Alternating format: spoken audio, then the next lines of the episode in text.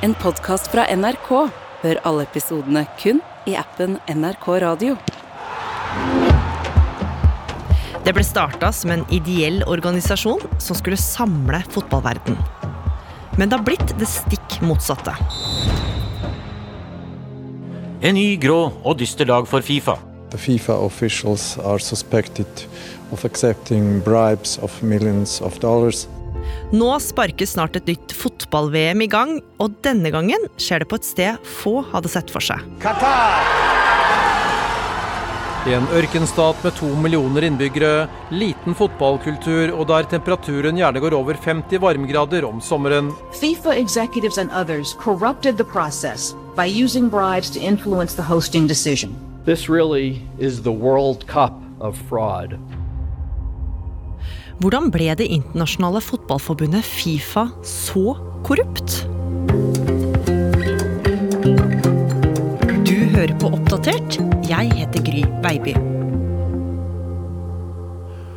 Aldri før har det vært så mye debatt rundt et VM som før årets.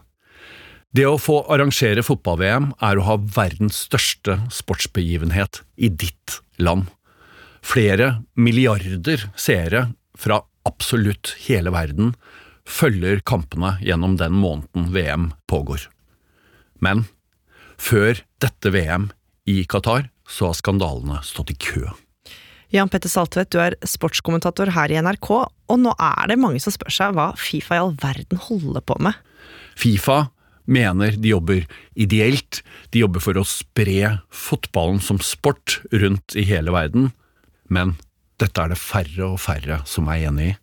Fifas historie er gjennomsyret av korrupsjon. Fifa ble stiftet helt tilbake i 1904 av sju nasjoner i starten, med den ideelle tanke å organisere fotballen på verdensbasis.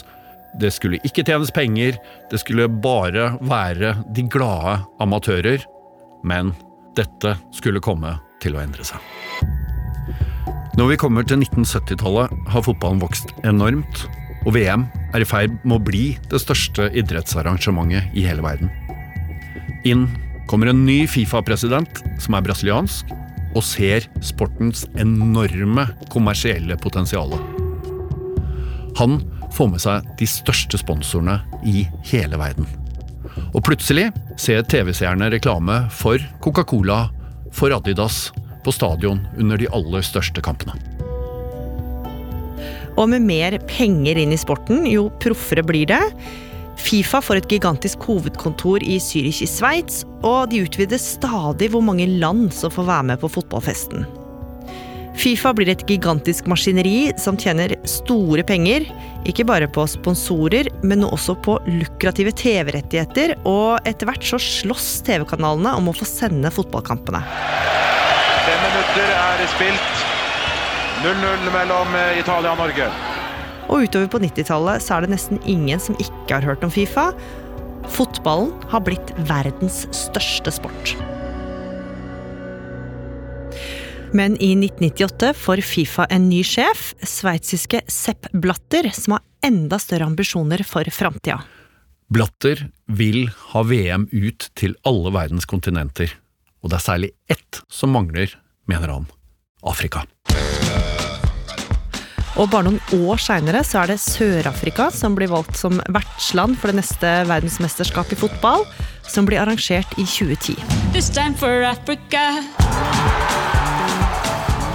I'm so excited about the World Cup in our country. this World Cup is, is the thing that's going to finally unite this country once and for all. This is Africa. De som har sittet på bakrommet og stemt fram Sør-Afrika, er en gjeng dresskledde menn, nemlig Fifa-komiteen. Den såkalte eksekutivkomiteen, som består av 24 fotballtopper fra hele verden. Men det at Sør-Afrika nå hadde fått VM, det fikk folk til å stusse litt over hvordan denne komiteen egentlig fungerte. For mange hadde i forkant ment at verken landet eller kontinentet hadde ressurser til å gjennomføre et så stort arrangement. Og det satte i gang noen rykter om at det kanskje var noe muffens med hele utdelinga. Og bare noen måneder etter VM i Sør-Afrika så får man en bekreftelse på at alt ikke foregår helt etter boka. I slutten av 2010 skal det deles ut to nye mesterskap. Og det er den samme komiteen som skal bestemme hvilke land som skal få VM. Men like før de møtes, så blir det avslørt at to av medlemmene har forsøkt å selge stemmene sine. Til det som viste seg å være en journalist fra britiske Sunday Times, skal de to medlemmene ha tilbudt sine stemmer for fem millioner kroner stykket. Det blir enorme reaksjoner, men Fifa konsentrerer seg kun om én ting utdelingen av de neste VM. Men det at Fifa, organisasjonen som fremmer verdens mest populære sport, nå står i en korrupsjonsskandale, det får folk til å tvile på om utdelinga egentlig var så rettferdig som de skulle ha det til. Og når Fifa noen måneder seinere skal avsløre hvem som skal få de neste to mesterskapene, så venter en hel verden i spenning. It is an honor and a privilege to welcome you all Zurich, the city FIFA, for the 2018 and the 2022 FIFA World Cup host announcement. I en stor konferansehall i Zürich, bare et steinkast fra hovedkvarteret til Fifa, har celebre gjester fra alle søkerlandene møtt opp. Og igjen har den eksekutive komiteen samla seg, nå i hvert sitt hemmelige rom, for det er et ekstremt hemmelighold rundt denne avstemninga. Dette er veldig viktig. Ingen vet hva de andre i komiteen stemmer på. De kan ha sagt én ting offentlig, men gjøre noe helt annet når de faktisk skal stemme. Den første avstemningen er om hvem som skal få arrangere VM i 2018. Fotballens hjemland, England, er storfavoritt. I salen sitter celebriteter som prins William, David Beckham og statsminister David Cameron. På scenen står Fifa-president Sepp Blatter inn kommer en dresskledd mann med en forseglet konvolutt. I den ligger svaret på det alle lurer på. Hvem skal arrangere fotball-VM åtte år senere? So the 2018 FIFA World Cup, ladies and gentlemen, will be organized in Russia. Russland er ikke noe stor fotballnasjon. Dessuten har de et ganske dårlig rykte, dels når det gjelder menneskerettigheter, men også ganske utbredt tribunevold. Og så var jo England storfavoritt. Men overraskelsene skal fortsette å komme, for rett etter blir det kjent hvem komiteen har stemt fram at skal få arrangere VM i 2022. USA er storfavoritt. De er et særdeles attraktivt marked. De har fantastiske stadionanlegg, og det var en stor suksess sist de arrangerte VM. De konkurrerer bl.a. mot den lille ørkenstaten Qatar, som absolutt ingen tror har mulighet. Nok en gang kommer den dresskledde mannen ut med en hvit konvolutt til Fifa-president Sepp Blatter, som åpner den og viser frem fasiten på hvem som får fotball-VM 2022. Denne desemberdagen skal endre fotballen for alltid. The winner to organize the 2022 FIFA World Cup is Qatar.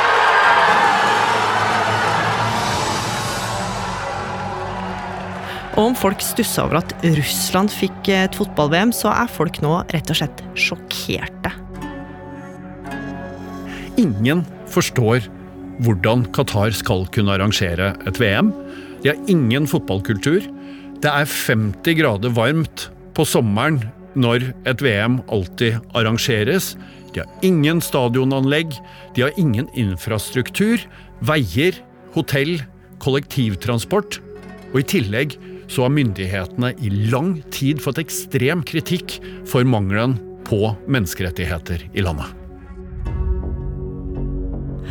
Og nå begynner virkelig spekulasjonen å gå i om Qatar har fått denne tildelinga på ærlig vis. Og i åra som følger så kommer det stadig saker om massive menneskerettighetsbrudd og uverdige arbeidsforhold for de millioner av migrantarbeiderne som skal bygge opp landet for å arrangere den gedigne fotballfesten. De får ofte ikke utbetalt lønna si når de skal. Noen reiser hjem uten å ha fått utbetalt lønna si i det hele tatt. De må jobbe mye lenger enn de vil, og at det er trusler om straff hvis de ikke gjør det. Nå begynner folk virkelig å spørre seg hva er det som ligger bak all sporten vi koser oss med på TV. Og i 2014 så kommer det en sak som slår ned som ei bombe. Avisa Sunday Times publiserer en rekke dokumenter de mener viser at Qatar har brukt flere titalls millioner kroner i bestikkelser for å sikre seg VM i 2022. The vast number of leaked documents came from inside FIFA. The source was concerned about corruption linked to Qatar's successful bid to stage the 2022 World Cup. The newspaper claims it shows evidence of payments to football officials around the world in return for their support for the bid. When people look at that evidence, then I think it's hard for people to not come to the conclusion that the whole process was flawed. Og da, Jan Petter, ser Fifa seg nødt til å sette ned en granskningskomité for å komme til bunns i om det her stemmer. Og konsekvensene de kan jo bli store. Det blir spekulert i om Qatar faktisk kan bli tatt fra retten til å arrangere VM. Men noen måneder senere går Fifa ut og sier at de ikke fant noe som helst mistenkelig. Dessuten nekter de å offentliggjøre granskningsrapporten, og får selvfølgelig mye kritikk, kritikk som fullstendig preller av. Vi får ikke vite hva som egentlig står i den granskningsrapporten som de selv har bestilt. Tror du de prøver å rydde opp? Det ser ikke sånn ut. Men et drøyt halvår seinere, i mai 2015, skal det for alvor begynne å slå sprekker i Fifa. Da skjer det noe som de færreste fotballinteresserte hadde sett for seg. Samme dag som alle er samlet for å se Sepp Blatter bli gjenvalgt som Fifa-president etter å ha sittet i 17 år, så skjer det noe som sjokkerer en hel verden. Ut fra hovedkontoret i Zürich blir én og én Fifa-medarbeider brakt ut av politiet, skjult bak hvite laken og sendt av gårde med blålys. De har blitt arrestert, mistenkt for omfattende korrupsjon. Det viser seg at i årevis hadde amerikanske FBI i samarbeid med sveitsisk politi i all hemmelighet etterforsket sjefene for verdens største idrett. This morning was like something out of a crime thriller. Police swooped shortly after dawn, took several FIFA high rollers away to the station, accused of corruption. På en pressekonferanse står FBI altså og kaller Fifa et verdensmesterskap i bedrageri. Today we are issuing FIFA a red card. This investigation uh, has been long and painstaking, and it is not over. And the work will continue until all of the corruption is uncovered and a message is sent around the world that this conduct will not be tolerated. Og FBI gjør det fort klart at Fifas omstridte VM-tildelinger til Qatar og Russland er en del av etterforskninga. De sier også at etterforskninga er krevende, det er mistenkte i alle verdenshjørner, og transaksjoner som er vanskelig å spore opp. Det kommer jo fram egentlig ganske sjokkerende informasjon om hvor lovløst Fifa-medlemmene har fått lov å operere. Det har ikke vært noe etisk regelverk. De har kunnet ta imot reiser, gaver og ikke minst penger uten at noen har holdt dem ansvarlig for hvordan de opptrådte. Som om ikke det er nok, samme år kommer flere medier med en historie som topper det meste, og som viser hvor høyt opp korrupsjonen går. Det ble avslørt at i 2010, bare en drøy uke før det skal stemmes over hvem som skal få VM i 2022, hadde kronprinsen, den nåværende emir av Qatar, satt seg på et fly til Paris. Der hadde han reist videre til det ærverdige Élysée-palasset, der den franske president Nicolas Sarkozy holdt til. Sammen med dem i denne lunsjen er den mektige franske presidenten for det europeiske fotballforbundet, Uefa, Michel Platini. Der skal emiren ha tilbudt en ganske spektakulær hestehandel. Emiren tilbyr tre ting. Han vil kjøpe favorittlaget til president Sarkozy, PSG, som på den tiden er på bunn både økonomisk og sportslig. Han vil kjøpe rettighetene til å vise fransk fotball, som ingen egentlig var interessert i på den tiden. Og ikke minst, han tilbyr å kjøpe over 50 franske fly og jagerfly. I retur vil han ha én ting én fransk stemme til støtte for VM i fotball i Qatar. I ettertid sa Platini at han der og da bestemte seg for ikke å stemme på USA som han hadde tenkt, men på Qatar. Ja, mens den franske presidenten Sarkozy sa at han ikke mente å påvirke. Men skandalene stoppa jo ikke med det. Etterforskningen fortsatte. Stadig flere Fifa-topper falt. Blant dem Fifa-presidenten selv, Sepp Blatter.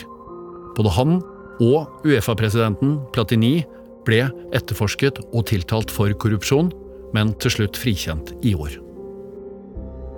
Til nå, av de 22 medlemmene i denne eksekutivkomiteen som stemte for at Qatar skulle få VM, så har 16 blitt enten fengslet eller utestengt for korrupsjon. Kun én av de 22 er fortsatt med og styrer i Fifa. Og på mange måter så er det der vi står nå. Qatar-VM er rett rundt hjørnet. Det har skapt enormt med debatt, og til og med fått sitt eget ord sportsvasking. Menneskerettighetsorganisasjoner mener flere tusen migrantarbeidere har dødd i forbindelse med forberedelsene så langt. Men Jan Petter, denne saken her er jo langt fra ferdig. Senest i forrige uke gikk den nåværende Fifa-presidenten hardt ut og ba folk om det Fifa-toppene har bedt om egentlig i flere tiår. Ha fokus på fotballen, ikke på politikken, ikke på noe av det som skjer bak scenen, noe som igjen har gjort at kritikken har haglet. Og for bare noen få dager siden gikk også han som var Fifa-president i 17 år, Sepp Latter, ut og sa at VM aldri skulle blitt arrangert i Qatar. Og én positiv endring har vi i hvert fall fått. Nå er det ikke lenger noen og tyve menn i dress som avgjør hvor VM skal arrangeres. Det er representanter fra alle Fifa-landene som stemmer det fram. Men det alle spør seg om nå er, hvordan kan en så stor organisasjon som Fifa bli så skakkjørt? Det lurer vi fortsatt på. Et av svarene kan være at det ikke bare er verdens største sport, men faktisk en av verdens største businesser. Og helt uten demokratisk kontroll i praksis. Ingen kontroll på hvor pengene går og hvordan de blir brukt. Et sånt system er litt for godt egnet til korrupsjon fortsatt. Og det gjør at man frykter at det ved neste tildeling av et VM, det som skal gå av stabelen i 2030, kan dette gå enda verre. For den som har stått på sidelinjen og sett hvordan Qatar har lyktes med sitt spill og nå skal arrangere VM, er storebror Saudi-Arabia. Som har mye større ambisjoner og ikke minst mye mer penger. Én lærdom kan man trekke fra Fifa-historien. Den med mest penger får til slutt viljen sin.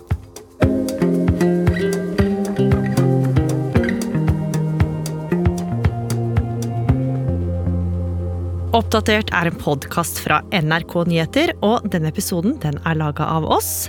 Research og regi Hanna Kolås. Teknikk og lyddesign Andreas Berge. Vaktsjef Ina Swann.